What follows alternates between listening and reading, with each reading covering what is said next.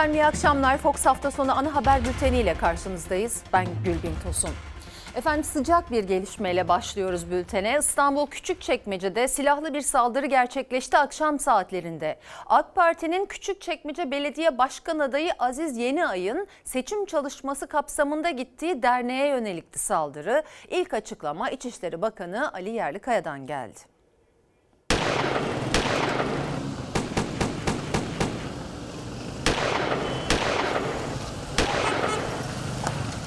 Küçükçekmece Belediye Başkan adayımız Aziz Yeniay'ın seçim çalışması yaptığı sırada uzun namlulu silahlarla bir saldırı gerçekleşmiştir. Otomobille geldiler, silahlarını ateşlediler. AK Parti'nin İstanbul Küçükçekmece adayı Aziz Yeniay'ın seçim çalışması sırasında silahlı saldırı gerçekleşti. İlk açıklama İçişleri Bakanı Ali Yerlikaya'dan geldi. Bugün saat 16.30 sıralarında AK Parti Küçükçekmece Belediye Başkan adayı Sayın Aziz Yeniay'ın Kanarya Mahallesi'ndeki aday tanıtım etkinliğinin olduğu yere uzun namlulu silah ve tabanca ile ateş açılmıştır. Saldırıda EGD adlı kadın vatandaşımız yaralanmıştır. Saldırıya ilişkin geniş çaplı tahkikat başlatılmıştır. AK Parti Küçükçekmece Belediye Başkan adayı Aziz Yeniay, ilçede bulunan Mardin Narlıköy Derneği'nde ilçelilerle bir araya geldi. Buluşma sırasında silah sesleri duyuldu. Derneğe saldırı gerçekleştirildi.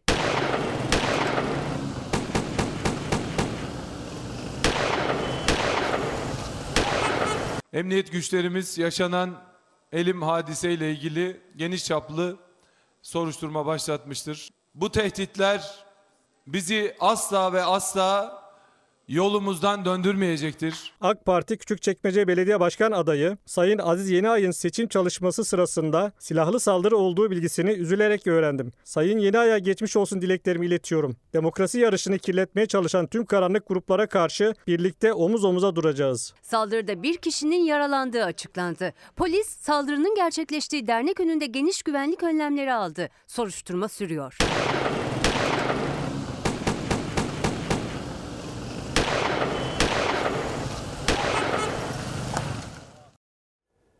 Efendim bu akşam başlığımız benim derdim.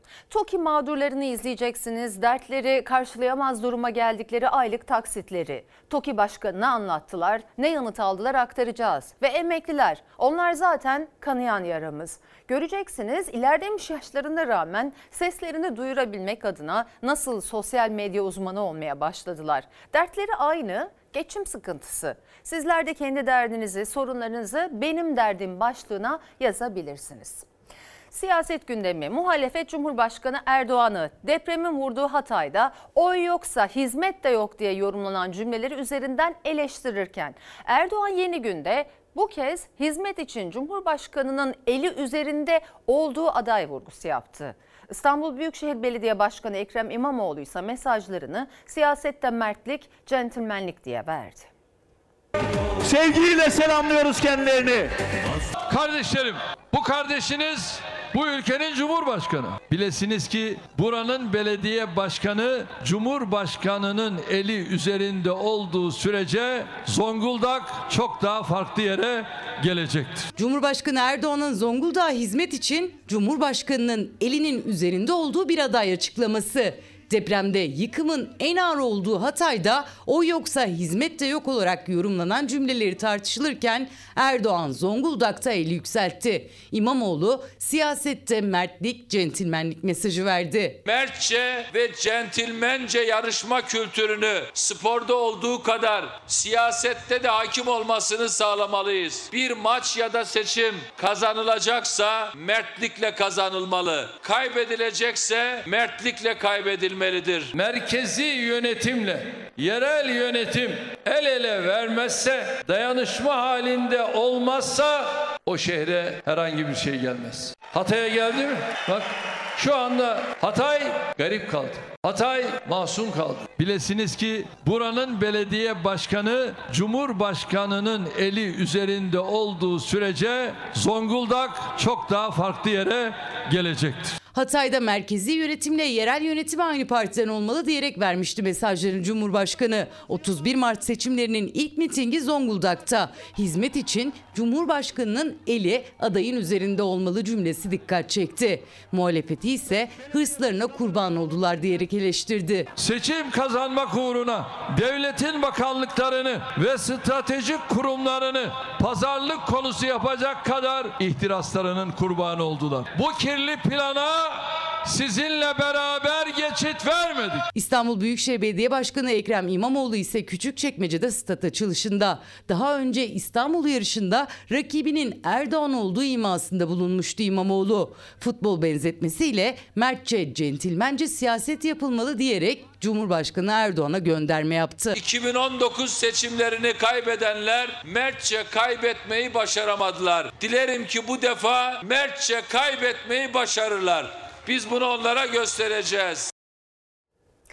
O kadar eleştiri, o kadar kırılan kalp, birçok kesimden tepki ve bir düzeltme arayışı varken toplumda tam tersini yapmakla birlikte işte el yükseltti dedik veya her neyse vites yükseltti Zonguldak'ta Cumhurbaşkanı.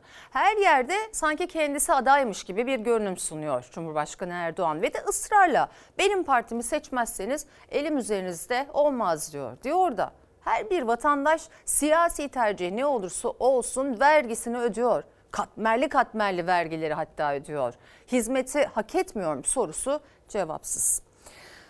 Efendim yerel seçimlere sayılı günler kala gözlerin çevrildiği İstanbul'da yarış hareketlendi. AK Parti ile ittifak kurmayacağını açıklayan Yeniden Refah Partisi de İstanbul Büyükşehir'e Necmettin Erbakan'ın damadı Mehmet Altınöz'ü aday gösterdi. Hazır mısınız? Sultan Fatih şehri, dünyanın baş şehri, İstanbul Büyükşehir Belediye Başkan adayımız Mehmet Altınöz.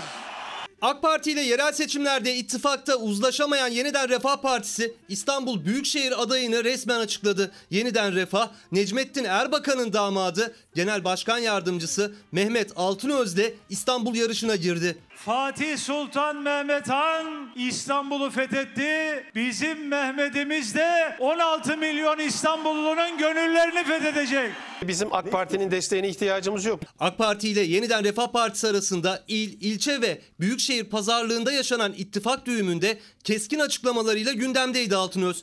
Necmettin Erbakan'ın kızı Elif Erbakan'ın eşi. 31 Mart seçimlerinde en çok da mega kent İstanbul üzerine yapılan hesaplar Yeniden Refah Partisi'nin de aday açıklamasıyla değişti. Cumhur İttifakı milletvekili veya belediye başkanlığı paylaşımı pazarlığı için değil, devletimizin bütünlüğü için kurulmuş bir ilkeler ittifakıdır. 31 Mart seçimlerindeki zaferimiz, ortaya koyacağımız başarı ve hizmetler 2028'de yeniden refaha iktidar yolunu açacak ve bütün İslam aleminin kurtuluşuna vesile olacaktır inşallah. Fatih Erbakan yerel seçim iddiasını iktidara yürüyüş olarak açıkladı. İttifak yoksa 3 büyük şehirde kendi adaylarımızı çıkartacağız demişti. İstanbul'la birlikte Ankara ve İzmir adaylarını da duyurdu. Partimizin İzmir Büyükşehir Belediye Başkan adayı Cemal Arıkan, Ankara'nın Büyükşehir Belediye Başkan adayı Suat Kılıç Beyefendi. Gazamız mübarek olsun inşallah. Buyursun çıksın ortaya. Buyurun başlıyoruz. Fatih Erbakan'ın konuşması sık sık Mücahit Erbakan sloganlarıyla kesildi. Aday tanıtım toplantısında seçim beyannamesini de açıkladı. Hedefinde hem iktidar hem de muhalefet belediyeleri vardı. Kimileri rant peşinde, kimileri heykel peşinde, kimileri de örgüte alan açma peşinde. Yerel seçim beyannamemizde rant değil ahlak var. Partilerin ittifak ya da işbirliği arayışlarıyla başlayan yerel seçim maratonu 31 Mart'a haftalar kala İstanbul'da hem iktidar hem de muhalefet cephesinde hesapları değiştirdi. Dem Parti'nin Meral Danış Beştaş'ı, yeniden Refah Partisi'nin Necmettin Erbakan'ın damadı Mehmet Altınöz'ü İstanbul'da aday çıkarması yarışı hareketlendirdi. Elif Erbakan bekleniyordu İstanbul adaylığı için ki soyadının bile seçimlerde etkili olacağı ortadayken Mehmet Altınöz yani eşinin aday gösterilmesi ilginç. Tabi sadece soyadı değil başörtülü bir kadın profili eski Refah Partisi'nin etkin olan kadın kollarını tekrar harekete geçirip AK Parti'ye kayan kadın seçmeni belki daha kolay sandığa çekebilirdi. O nedenle bilemiyorum tercih nedenlerini tam olarak ama şunu biliyoruz ki genel olarak kadın adaylara parti teşkilatları, partinin teşkilatları soğuk bakıyor. Efendim AK Parti İstanbul Büyükşehir Belediye Başkanı adayı Murat Kurum bugün Kadıköy'de sivil toplum kuruluşlarıyla birlikteydi. Hedefinde sadece rakibi değil CHP'li ilçe belediyeleri de vardı. Kurum Ekrem İmamoğlu'na yönetemiyorsunuz 31 Mart'tan sonra da geçti borun pazarı sözleriyle seslenirken İstanbul Büyükşehir Belediye Başkanı semt pazarında vatandaşla bir aradaydı.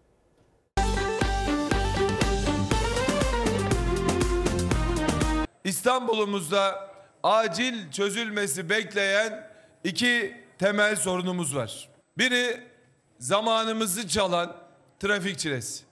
Diğeri ise sağlığımızı, güvenliğimizi tehdit eden deprem tehlikesi. İstanbul'un iki temel sorunu trafik ve deprem dedi Murat Kurum. Projelerini sıraladı. AK Parti'nin İstanbul Büyükşehir Belediye Başkanı adayı Kadıköy'deydi. Seçim Koordinasyon Merkezi açılışında Fikirtepe'deki dönüşümü örnek gösterdi, vaatlerini sıraladı. 650 bin yuvayı 5 yılda sizler için bitireceğiz. 100 bin sosyal konutu 18 ayda tamamlayacağız. 328 kilometre metro hattını 5 yılda 650 kilometre yapacağız. Sivil toplum kuruluşu başkanlarıyla da bir araya gelen kurumu hedefinde sadece Büyükşehir Belediye Başkanlığındaki rakibi yoktu. CHP'li ilçe belediyelerini de eleştirdi. Cumhuriyet Halk Partisi'nin kalesi diye adlandırılan birçok ilçemize gidiyoruz. Cumhuriyet Halk Partili seçmenimizden çokça duyduğumuz bir şey var. Diyorlar ki bir dönem bu şehri AK Parti'ye teslim etsek de biraz proje yapsalar, yatırım yapsalar. Yolumuzu, suyumuzu düzeltseler sonraki seçimde yine CHP'ye veririz diyorlar. Kusura bakmayın. Yönetemediniz. Yönetemiyorsunuz. 31 Mart'tan sonra da zaten böyle bir fırsatınız olmayacak. Hani geçti Bolu'nun pazarı derler ya. O pazar geçti. Pazarınız bereketli olsun. İyi günler. İstanbul Büyükşehir Belediye Başkanı Ekrem İmamoğlu semt pazarına çıktı. İstanbulluyla buluştu. Hoş geldin, hoş geldin. Sağ ol abicim. Seni nasıl şükürler olsun. Seni görebildim yakından. Sana bir şey söyleyeceğim. Başkanım Allah zaman. Hiçbir başkan dibimize kadar gelmedi. Yanımıza gelmedi ama sen bizim kalbimize geldin. Sağ ol, teşekkür ederim. Yanımıza geldin. Çok mutluyuz. Sağ ol. Hep İnan çok geleceğiz. Hep mutluyuz. geleceğiz. Hep geleceğiz. CHP'nin Gazi Osman Paşa İlçe Belediye Başkanı adayıyla birlikte semt pazarı gezen İmamoğlu bol bol fotoğraf çektirdi, destek mesajları aldı. Allah kolaylık versin. Allah razı olsun. İnşallah başımızda olsun. Sağ ol. Murat Kurum geçti Bolu'nun pazarı demiş ama geçti Bor'un pazarı Süreşehir'in Niğde'ye onun doğrusu. Kendisine de aktarmış olayım. Ankara Büyükşehir Belediye Başkanı Mansur Yavaş seçim mesaisinde Ankara sokaklarında ve ilçelerindeydi. Cumhurbaşkanından, bakanlarımızdan açık çek aldık diyen rakibi Turgut Altınoksa Ulaştırma Bakanı ile birlikte kahraman kazandaydı. Açık çek polemiği yeni günde de devam etti. Sen olmazsan Ah bu Türkiye Rakibim demiş ki biz açık çek aldık. Hükümet bize gerektiği gibi yardım yapacak. Bizlere İller Bankası'ndan bir kuruş kredi verilmez. Bunlara ayrıcalık tanıyacakmış. Bunun da adı adalet olacak. Bassın böyle adalet. Sayın Cumhurbaşkanımız konuştuk inşallah. Ulaştırma Bakanımız, Çevre Şehircilik İklim Bakanımız, diğer bakanlarımız aradılar bizi. Ne yapabiliyorsak Ankara'ya açık çek dediler onu söyleyeyim. Ankara Büyükşehir'in kaynakları kendine yeter. Gölge etmesinler başka insan istemem. Engel olmasınlar yeter dedim. Hükümetten açık çek aldım diyen rakibi Cumhur İttifakı'nın Ankara Büyükşehir Belediye Başkan adayı Turgut Altınok'a bu kez meydanlardan karşılık verdi. Ankara Büyükşehir Belediye Başkanı Mansur Mansur Yavaş. Turgut Altınok yeni günde destek sözü aldığı Ulaştırma Bakanı'yla Kahramanmaraş'da seçim mesaisindeydi. Büyükşehir Belediyesi'nden ayda bin lira veriyor emeklerimize değil mi? Beş bin lira vereceğiz. Madem siz 5 bin vereceksiniz, şu anda belediye başkanısınız. Şimdi niye vermiyorsunuz? Hani açık çek almışsınız bakanlardan ya, o açık çeki illa 31 Mart'tan sonra mı kullanacaksınız? Şimdi kullanın. Ben size 39 gün çalıştım. Allah razı olsun. Tekrar Sağ çalışacağım. sağ olun. Rakibini hedef alan sözleri öncesi İzmir Caddesi'nde esnafı ziyaret etti Mansur Yavaş. Başkent sokaklarında şarkılarla, türkülerle karşılandı. Mamak ve Polatlı'da seçmenle buluştu. Verdiğimiz sözleri yerine getirdik dedi. Yıllardır Ankara halkının tertemiz parasını proje yapıyoruz diye Çin malı oyuncaklarına, plastiklerine yatırıp proje yaptık diye iddia ettiler. Bu ayın sonuna kadar temiz suyu içip hanımefendiler çay demlemeye başlayacaksınız inşallah. TOKİ Başkanı Ömer Bulut, AK Parti'nin İstanbul Büyükşehir Belediye Başkan adayı Murat Kurum'la birlikte katıldığı temel atma töreninde kurumunu savundu. Tamamlanmayan TOKİ Tuzla projesini İstanbullulara gösteren Ekrem İmamoğlu'na hedef aldı. Belediye iştirakı Kiptaş'ın yaptığı konutları eleştirdi. Yanıtsa Kiptaş Genel Müdürü Ali Kurt'tan geldi. Belediye başkanı kalkmış. İstanbul'da herhalde sosyal konut olarak anlatacağı bir şey kalmamış ki Tuzla'da 508 konutun eski görüntülerini yayınlayarak kendilerinin hasılat paylaşımı yöntemiyle bitirmiş oldukları 300 konutu temcit pilavı gibi kamuoyuna göstererek algı yaratmaya çalışıyor. Herhalde tek bitirebildiği bu 300 konuttur. Ve henüz de iskanı alınmamış. Kürsüde Ekrem İmamoğlu'nu hedef alan rakibi Murat Kurum değil TOKİ Başkanı Ömer Bulut'tu. 5 yıldır tamamlanamayan TOKİ Tuzla projesinin yanı başında yükselen ve hak sahiplerine teslim edilen Kiptaş konutlarının iskansız olduğunu iddia etti. TOKİ Başkanı Ömer Bulut'a yanıt Kiptaş Genel Müdürü Ali Kurt'tan geldi. Tek bitirebildiği bu 300 konuttur. Ve henüz de iskanı alınmamıştır. İnşallah iskanı alınmamış da konutlara vatandaşlarımıza oturtmuyordur. İskan belgesi olmadı diye konutlarda yaşam yapılmayacak diye bir şey söz konusu olmamakla beraber ki TOKİ şu ana kadar Türkiye'de yaptığı konutların tamamında iskan almış mı diye kendisine de sormak istiyorum. Mesela Zeytinburnu'ndaki yaşama başlattığı, oturma başlayan projesi var. Orada iskan almış mı? Almamış. Burada ayrı bir parantezde açmak isterim. Bir tarafta 2019'da başlayan TOKİ konutları, bir tarafta da 2020'de başlayan Kiptaş projesi. Söz verdiğimiz gibi projemizi iki yıl içinde tamamladık ve vatandaşlarımıza teslim ettik. Ekrem İmamoğlu depreme karşı yol haritasını anlatırken TOKİ konutlarına ayrı parantez açmış ve 5 yıldır tamamlanamayan Tuzla projesini ekrana yansıtmıştı. TOKİ Başkanı Ömer Bulut AK Parti'nin İstanbul adayı Murat Kurum'la katıldığı temel atma töreninde kurumunu savundu. Onun bitirdiği 300 konutun inşaat metresi karesi kadar bizim kapalı otoparkımız var. Sadece süreci manipüle etmeye yönelik bir e, açıklamadır. TOKİ Başkanı'nın yaptığı açıklama kendisi bir devlet memuru, eleştirmeye çalıştığı kişi bir siyasi belediye başkanı aslında bir suç işlemektedir. Ben aslında bir şahıs değilim, bir ticaret yapmıyorum değil mi bir şey söyle. Ben bir devletin bir görevlisiyim. Evet. Hakkımı helal etmiyorum. Evet ben etmiyorum dedim. Ben yaratılan her kulun hatta her canlının hakkını almak isterim. TOKİ Başkanı'nın karşısına tören sonrası TOKİ mağdurları çıktı. Ödeme kolaylığı isteyen vatandaşa TOKİ Başkanı'nın yanıtı ödeyemezsen yanıma gel oldu. Engelli vatandaşın şu anda 7500 lira aldığı bir ülkede tamam mı? Kalkıp da 10 bin lirayı ödeyecek diye bir ihtimal var mı sizce? Konutunu aldıktan sonra ödemeyle ilgili bir sıkıntısı olan vatandaş tekrar benim yanıma tekrar gelir.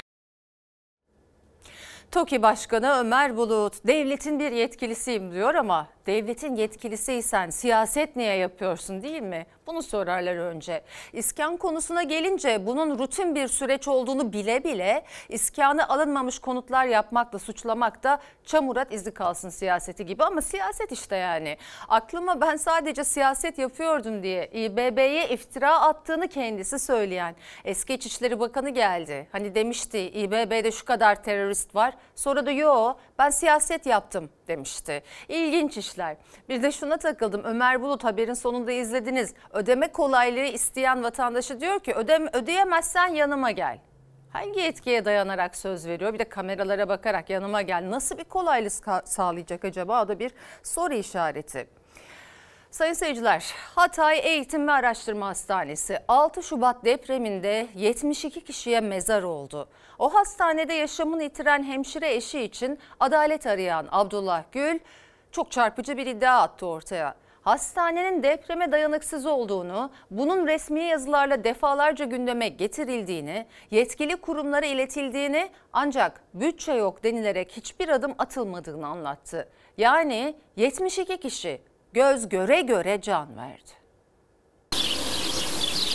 Depremden tam bir yıl önce Sağlık Bakanlığı'ndan İl Sağlık Müdürlüğümüze yazı geliyor. Diyor ki biz orayı 2018 yılında araştırdık.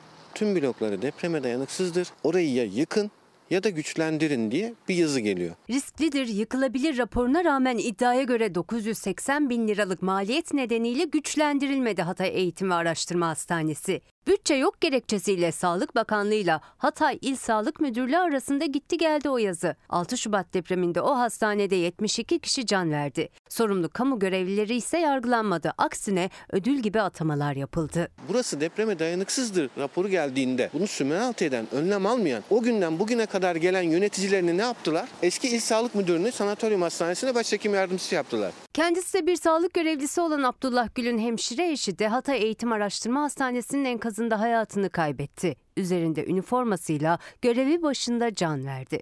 2006 yılında, 2012 yılında ve 2018 yılında depreme dayanıksız olduğu, tüm blokların bir deprem anında yıkılacağı raporları mevcut. O dönemin başhekimi hastanemiz ek hizmet binasının depreme dayanıksız olduğunu Sağlık Müdürlüğü'ne iletiyor. Acil önlem alınması gerektiğini söylüyor. Bu yazılar 3 ay sonra Sağlık Bakanlığı'na yazı yazılıyor. Bu hastanenin depremle ilgili bir çalışma yapılması diye.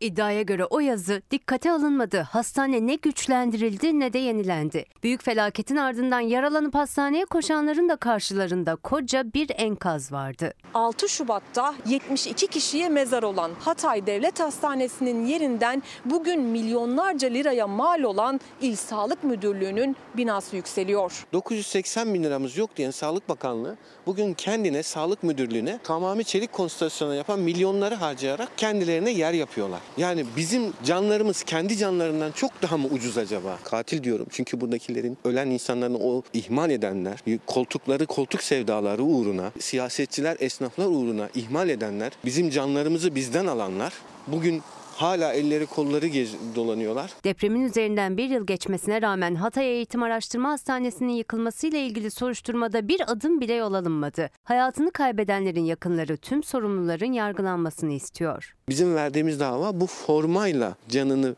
veren insanların davasına bakıyorsunuz. Biraz vicdanınızı elinize atın ve ne olursunuz artık bizim şu ödediğimiz canların bedellerini ödesinler artık. Can verdik biz ya.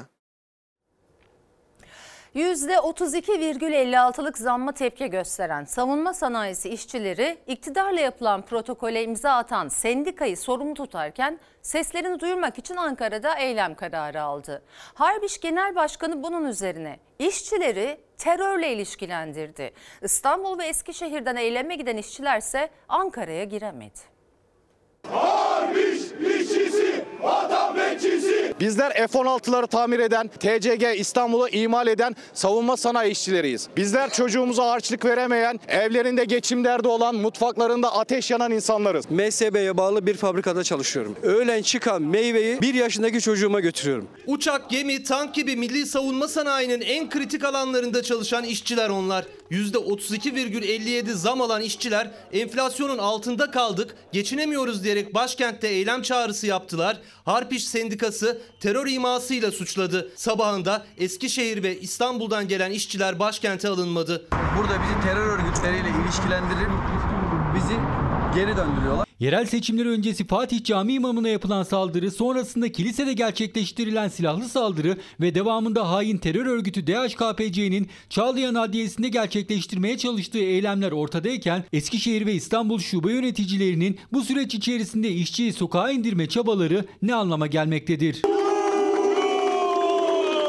Mücadele eden insanları teröristlikle itham ediyor. Bize gelecek bunları tersanede ve atölyelerimizde anlatsın. Kim teröristse anlatsın. Biz ekmeğimizin peşindeyiz. Övünerek televizyonlarda gümbür gümbür gösteriliyor. Görünmez kahramanları deniyor ama biz artık görünen kahraman olmak istiyoruz. En kritik savunma projelerine emek veren savaş uçaklarının bakımını yapan tankların, milli gemilerin üretiminde yer alan kamu işçileri. 700 bin kamu işçisinin ek zam talebi vardı. Hak İş ve Türk İş'in oturduğu masada kamu çerçeve protokolü imzalandı. %32,57 zam beklentiyi karşılamadı. İşçilerin hayalleri yıkıldı. 15 bin TL kiraya oturuyorum. İki tane çocuğum var. Gelecek kaygısı yaşıyorum. Bu benim sıfır vergili maaş bodrum. Bunun %27'sini düştüğünüz zaman şu andan itibaren elime geçecek olan maksimum 27'dir yani. Ortalama 25 bin lira maaş alan %32,57'lik zammı kabul etmeyen Harp İş Sendikası'nın Eskişehir ve İstanbul şubeleri zam protokolünü imzalayan Türk İş ve sendikaları Harp İş'e tepki gösterirken başkentte de seslerini yükseltmek için toplanacaklardı. Ancak bir gece öncesinde Harp İş Sendikası Genel Başkanı işçileri terör iması yaparak suçladı. Ben Milgen projesinde çalışan bir teröristsem diyecek bir laf bulamıyorum. Benim aidatımla maaş alan bana terörist diyorsa önce kendini araştırmaz ki sen de o zaman teröristin parasını yiyorsun en büyük terörist sensin. 33 yıldır çalışıyorum. Aldığım maaş 30 bin lira ve akşam gidiyorum düğün salonlarında garsonluk yapıyorum. Arkadaş biz geçinemiyoruz diyoruz ya geçinemiyoruz. Başka bir şey demiyoruz. İşçilerin zam talebini imama, kiliseye ve Çağlayan Adliyesi'ne saldırıyla karşılaştıran Harp İş Genel Başkanı Alaaddin Soydan'a tepkili işçiler. Seslerini duyurmak için şehir dışından gelenler Ankara'ya giremediler. Basın açıklamasını şehrin girişinde yaptılar. Alaaddin uyuma, üyene sahip çık. Ee, izleyicimiz demiş ki benim derdim maaşını ödediği işçi sınıfını hainlikle suçlayan Harp İş Başkanı savunma sanayi işçileriz biz bu vatanın evladıyız diyor. Bir izleyicimiz Ayşen Hanım hepiniz rant peşindesiniz iğrendim sizin siyasetinizden diye e, siyasetçilere seslenmiş. E, emekliler deme benim derdim diyor o da. E, bir izleyicimiz Süleyman Bey de benim derdim senin derdin hepimizin derdi. Aynı 7'den 70'e hak, hukuk, adalet içinde insanca bir yaşam istiyorum diyor. Kademeli emeklilikle ilgili mesajlar var. Vakit bulursam aktarmaya çalışacağım. Efendim Geçim şartları her geçen gün biraz daha ağırlaşan emekliler seslerini bir türlü duyuramayınca çareyi sosyal medya paylaşımlarında buldu. Hem maaşlarının artması hem de bayram ikramiyeleri için resmi gazetede siyasiler ve iktidar partilerini etiketleyerek kampanya başlattı. Bir doğalgaz geliyor 3 bin lira. Elektrik parası aa buyurun yine zam gelmiş elektriğe. Ya bana yaptığın zamla kimi kandırıyorsun? Artık bu halk bir uyansın ya. Asla sesimizi duyan yok ama herkes çok zor durumda. Artık yani buramızda yani. Bunu çünkü hiçbir kitap yani hiçbir matematik almıyor artık. Bir domates 40 lira, yok biber bilmem 120 lira. Bu ne ya? Ben 80 yaşına geldim böyle bir durum hiç yaşamadık ya. Ben emekli öğretmenim. Ne güzel yıllardı onlar. Çok arıyorum. Her şeyi arıyorum. Geçinemeyen emekli bıçak kemiğe dayandı dedi. Seslerini duyan olmayınca sosyal medyayı kullanmaya başladı. En düşük emekli maaşının 22 bin lira olmasını, üzerine de 12 bin lira zam yapılmasını istedi emekliler. 5 bin liraya çıkarılacağı söylenen bayram ikramiyelerinin de artırılmasını talep ettiler. Bizler sadaka istemiyoruz. İvedilikle kök maaşımızın iyileştirilmesi ve bunun üzerine seyyanın zam verilmesini talep ediyoruz. Ve yine aylık bağlanma oranlarının yeniden iyileştirilerek %70'in üzerine çıkarılmasını talep ediyoruz. Bayramları bayram tadında geçirebilmemiz için, torunlarımıza harçlık verebilmemiz için bayram ikramiyelerinde en azından asgari ücret seviyesine belirlenmesi gerekir. Bunun dışında ödenecek hiçbir ücret bizleri tatmin etmez. Ne yetecek? 20 de alsan 30 da alsan yetmez ki her şey her gün her şeye zam geliyor. En düşük emekli maaşında yapılan artış emeklinin geçim derdine çare olmadı. Her gelen zamla emekli biraz daha yoksullaştı. Onlar da şimdi sosyal medya üzerinden seslerini duyurmaya çalışıyor. Daha etkili olması için e, öne çıkan hashtagleri paylaşmaya gayret ediyorum. Ağlamayana meme yok. Anca böyle bir yerlere bir, bir şekilde sesimizi duyurabiliriz. İktidardaki siyasileri ve siyasi partileri etiketliyor. 16 milyon emekli tek yürek, 16 milyon emekli çok öfkeli diyerek paylaşıyorlar taleplerini. Bankaların yarış halinde oldukları promosyonların ve bayram ikramiyelerinin de arttırılmasını talep ediyorlar. Promosyonlar tabii aylığa göre ayarlıyorlar ama düşük. Aylığın iki katı olmalı. Veyahut da en az aylık kadar olmalı. Bayram ikramiyesi 15-15 olmalı. 30 toplam. 5 lira verdi ya ama o maalesef hiçbir işe yaramadı. Su, elektrik, doğalgaz derken 5 bin lira 5 dakikada gidiyor. Artık emekliler için son sözü söyleme zamanı gelmiştir. İktidarı bu konuda bir kez daha uyarıyoruz. Emeklilerin sesine kulak verin, insanca yaşayacağı koşulları mutlaka sağlayın. Aksi takdirde bizler sesimizi duyurmak için her türlü meşru e, mücadeleyi hayata geçireceğiz. Hükümetin kredi kartlarına yönelik sınırlama hazırlığında olduğunu Merkez Bankası Başkanı Fatih Karahan açıklamıştı. Ayrıntılar henüz netleşmedi ama limitlerin düşürülmesi, taksit sayılarının azaltılması, asgari ödeme oranlarının yükseltilmesi gibi ihtimaller gündemde. Kredi kartlarına gelecek sınırlama tüm alışverişini taksit ve borçla yapmak zorunda kalan dar gelirliyi kara kara düşündürüyor. Kredi kartıyla aranız nasıl? Her yerde kullanmak zorundayım. 10 bin lira emekli maaşım var. 80 yaşındayım. Acaba diyorum bu 10 bin lira beni ne kadar daha götürür? Çok samimi bir şey söyleyeyim mi ben? Allah'a her gün dua ediyorum biliyor musunuz?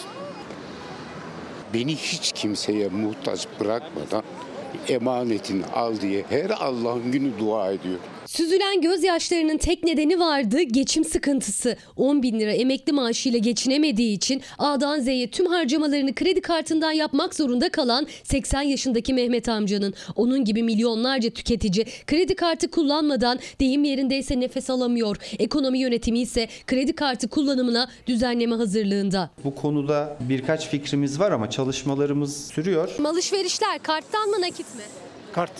Ne kadar harcadınız? Herhalde bir 500 civarında. Peki şimdi yeni bir düzenleme yapılması gündemde. Yandı gülüm keteneli. Mecbur kredi kartına dayanıyoruz. Öğrenciyiz. Bir ev kirası 6 bin 7 bin lira olmuş. Burs 1250 TL. Bu hangi birine yesin? Ya ailem aylık 5 bin 6 bin civarında para yolluyor. Kredi kartım şu anda borcum 14 bin TL. Gıda, giyim, faturalar, akaryakıt, kırtasiye yani iğneden ipliğe tüm alışverişlerde kredi kartı kullanıyor tüketici. Türkiye'de kredi kartı sayısı 117,7 milyonu aştı. Cebinde nakit parası kalmayan dar gelirlinin, emeklinin, öğrencinin eli kolu gibi kredi kartı. Kredi kartlarına nasıl bir düzenleme yapılacak net değil ama taksit sınırlaması, asgari ödeme oranının yükseltilmesi, limitlerin düşürülmesi seçenekler arasında. Bana 750 liralık limit yapmış. Yavrum o neye yeter şu hayat şartlarında? Alışverişe gittim yemin ederim kasada kaldım ya.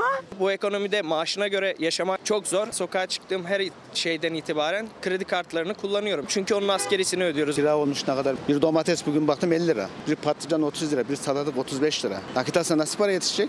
Borcu borçla kapatıyoruz. Günümüzü kurtarmaya çalışıyoruz. BDDK verilerine göre kredi kartıyla taksitsiz harcama tutarından ortaya çıkan kredi kartı borcu %92,5 oranında artarken taksitli harcama oranları %35 oranında arttı. Yani tüketici lüks için değil mecbur kaldığı için harcamalarını kartla çevirmek zorunda kalıyor. Kredi kartsız yaşayamam. Lüks değil. Zorunluluktan yaşayamam yani. Çoğu tüketici kredi kartının limitini sonuna kadar kullanıp asgarisini ödeyerek geçiniyor. Limit düzenlemesi, taksit sınırlaması hatta nakit çekiminin zorlaştırılması gündemde. Tüketici kara kara düşünüyor. Kart olmasa hiç kimseden alamazsın yani. Hiç yani zaten geçinemiyoruz. Markette, gıda gerçekten hayat çok zorlaştı. Maaşlar almadan eridi bitti. Özel okulların veliye yüklediği fahiş ödemelerden biri de kitap parası. Dışarıdan satın alınsa birkaç bin liraya mal olacak setleri okullar on binlerce liraya satıyor. Üstelik dışarıdan alınan kitapların kullanılmasına da izin verilmiyor. Bu haksızlığa karşı Antalya'da bir veli hakkını mahkemede aradı ve kazandı. Peki aile %85 burs kazanan bu çocuk okul eğitim masrafı dışında kitap parası ve yemek ücretiyle aynı parayı tekrar ödedi. Kaç para kitap parası ödedin? Bu sene verilen teklif 50 bin lira civarında. 50 bin lira kitap mı sadece? Parası 50 bin lira da yemek parası. 50 bin liralık kitap nasıl bir kitap acaba? Beyefendiye sormak lazım. Bilgi. Normal bir kitap yani özelliği yok o kadar para olacak bence. Bir tane koleji mesela normalde 3 öğrencinin seti 40 milyardı mesela. Biz seti burada 10 milyara topladık. Yani bayağı fiyat farkı olmuştu. Adam şaşırmıştı. Veliler özel okulların on binlerce lira karşılığında verdiği ders kitaplarını dışarıda daha uygun fiyatlara bulabiliyor. Ancak bazı okullar dışarıdan alınan kitapları kabul etmiyor. Bu dayatmaya karşı çıkan bir veli özel okulla mahkemelik olduğu davayı kazandı. Ben o ek kaynakları araştırdığımda e, bize söyledikleri fiyatın neredeyse 10 katı kadar daha azına temin edebileceğimi gördüm. Bunun üzerine e, kendim almak istediğimi söyledim.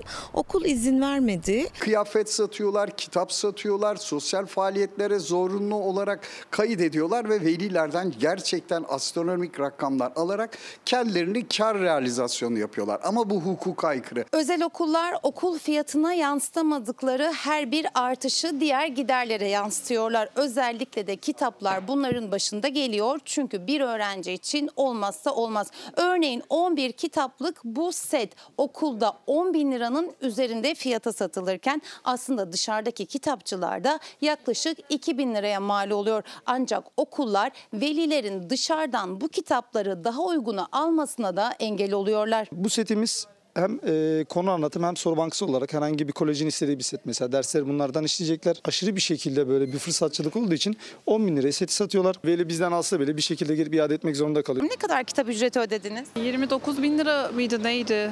Çok bir çocuğun. Evet. Okulun verdiği o kitapları dışarıdan bir yerden alabiliyor musunuz?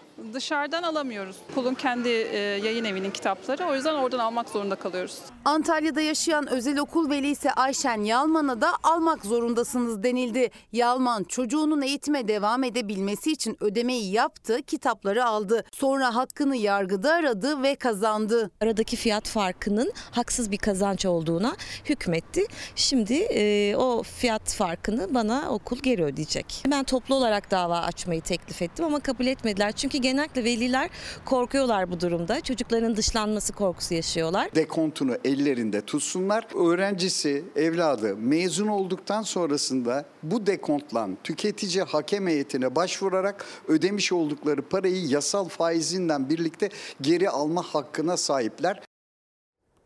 Bunları hayal etmezdim. İnsanın gururunu ayaklar altına alıyorlar. Bu sözlerde özel okulda görev yapan bir öğretmene ait. Yeni eğitim öğretim yılı için velilerden fahiş fiyat talep eden bir özel okulun %15 zam teklif ettiği öğretmenler çalıştıkları kurum önünde eylem yaptı. Zaten düşük ücretlerle çalışmak zorunda bırakılan öğretmenler ücretlerinin yasal güvence altına alınmasını istedi. Bu milletler, bu kavimler birbirine karıştılar. Veliden tabii ki alıyor. Yani karına kar katıyor. Ama bize gelince işte sinekten yağını çıkarayım dercesine Sizin maaşınız ne kadar? 21 bin lira. Benim e, kirama %150 zam geldi. %15 dalga geçer gibi bir zam yapıldı. Biz öğrencilerimize okuyun, öğretmen olun diyemiyoruz. Çünkü diyorlar ki hocam yani okusak ne olacak? Yani birkaç sene sonra sizin gibi sürünmüş olacağız. Öğrencilerinin bu sözleri genç matematik öğretmeni Merve Eren'i geçinememekten daha çok incitiyor. Birçoğu asgari ücret düzeyinde maaşlarla çalıştırılıyor. Onlar görev yaptıkları özel okuldan nefes alabilecekleri bir maaş talep etti. Olumsuz yanıt alan öğretmenler geçinemiyoruz diyerek hem okulun içinde hem de dışında yaşananları protesto etti.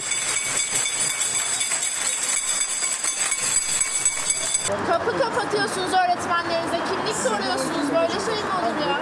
Protestoya katılan öğretmenler görev yaptıkları okula da kimlik göstererek girebiliyor. Listeye bakılıyor.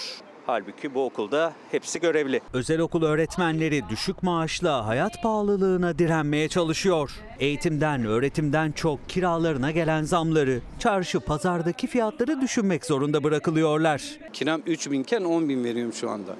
E, bu maaşla geçinemiyorum. E, dolayısıyla hani mücadele etmeyeceğiz veya bunu dile getirmeyeceğiz de ne yapacağız? 21 bin bandında bir maaş yattı. Kiralar, faturalar düşünüldüğü zaman elimize kalan meblağ ortada zaten. Ama e, okuldaki öğrencilerden para alırken gayet cüretkar davranırken bize verilen maaşların böyle olması gerçekten üzücü. Birçok özel okul velilere ciddi oranda zam yaparken o okullarda görev yapan öğretmenlere ne yazık ki istenilen oranda zam yapmıyor. İşte bir örneği. İstanbul Acıbadem'deki bu özel okulun öğretmenleri de yıl içinde %15 zam aldı ve ortalama maaşları da 21 bin lira. Özel okul öğretmenleri hem muhatap bulamamaktan hem de okulun ücret yükselme taleplerine olumlu cevap vermemesinden çok dertli. Yönetimle öğretmen bir araya gelecekti. Yönetim kademesi toplantıya gelmedi. Öğretmenleri tek başlarına bıraktılar yine.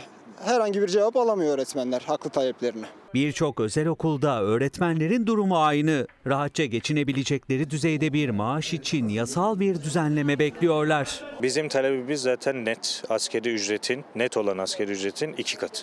Biz de aynı pozisyonlarda olan ve devletle çalışan arkadaşlarımız bizim iki katı ücretimizi alıyor. Sürekli özel derse gitmek zorunda kalıyorum. Bunları hayal etmezdim. Böyle insanın dediğim gibi gururunu ayaklar altına alıyorlar. İstanbul Kadıköy'de bir babaanne tramvay yoluna giren 4 yaşındaki torununu kurtarmak için canını feda etti. Babaanne son yolculuğuna uğurla- uğurlanırken kahreden kazanın görüntüleri ortaya çıktı. Torununu kurtarmak için tramvayın önüne atladı. Hayatını kaybetti. Üzgünüm, üzgünüm. Yani olmayacak bir şey oldu. Çocuk aniden tramvayın önüne fırladı. Babaanne de bunu görünce çocuğu kurtaramadı. Çocuğu itti. Kendi tramvayın önünde bir daha geri kaçmaya çalışırken kurtaramadı kendi. İstanbul Kadıköy'de 64 yaşındaki İlgün Çölege torunuyla Bahariye Caddesi'nde yürüyordu. 4 yaşındaki torunu Adem tramvay yoluna atladı. Çocuk çıkış yaptı. Çocuğu kurtarayım derken işte hamle yaptı. Yaşlı kadın tramvay hattına koşan torununu yakaladı, yoldan itmeyi başardı. Ancak dengesini kaybedip yere düştü. Seyir halindeki tramvayın altında kaldı. Yan taraftan tramvay vurdu. Altında kaldı aşağı yukarı bir 4-5 metre kadar Ferhat sürükledi. Yaşlı kadın hastaneye kaldırıldı. Tüm müdahalelere rağmen kurtarılamadı. Küçük çocuğun durumu ise iyi. Babaanne İlgün Çölege sevenlerinin gözyaşlarıyla son yolculuğuna uğurlandı. Söyleyecek bir şey bulamıyorum. Kelimeler yetersiz. Olaya tanık olanlar tramvay yolundaki güvenlik önlemlerinin yeterli olmadığını iddia ederek karşıya geçişler için çözüm bulunması gerektiğini söyledi. Öbür tarafa geçmek isteyen için bir merdiven ya da alt geçit yapsınlar. Türkiye'nin ilk uzay yolcusu Alper Gezer Avcı adını tarihe yazdırdı. Uzayda geçirdiği 3 haftanın ardından dünyaya dönen Gezer Avcı Amerika'da ailesiyle bir araya geldi.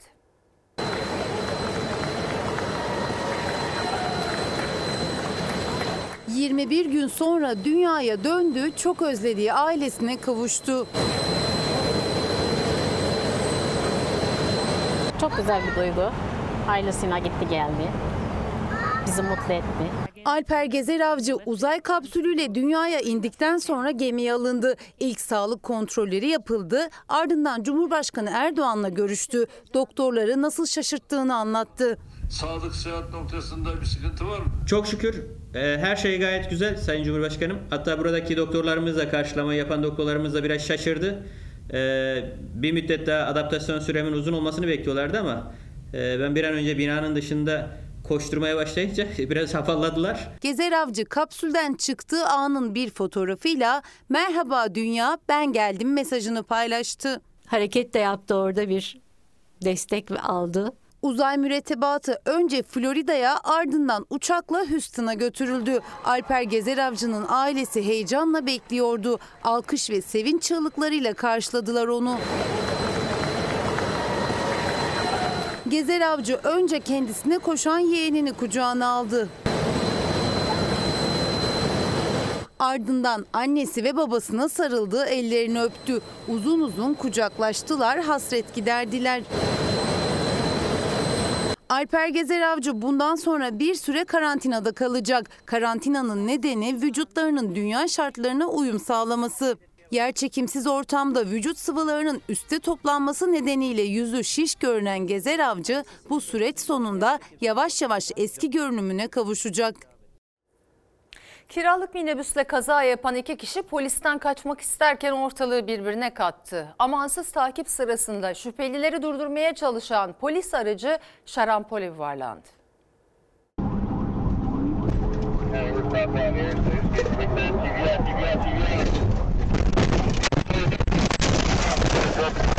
Çevirmeden kaçan minibüsü durdurmak isteyen polis otomobili yoldan çıktı. Polisler taklalar atan araçtan mucize eseri kurtuldu.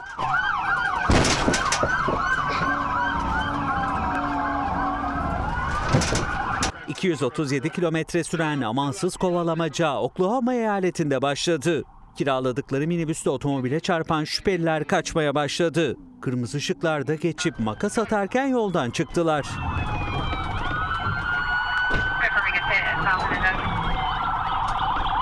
Ancak polislere yakalanmadan kaçışı sürdürdüler. Kovalamaca Oklahoma'dan Arkansas eyaletine taşındı. Takibe daha fazla polis aracı katıldı.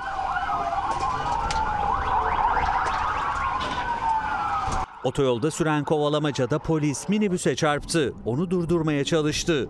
Bu sırada kontrolden çıkan polis otomobili şarampole yuvarlandı. İki polis yaralandı.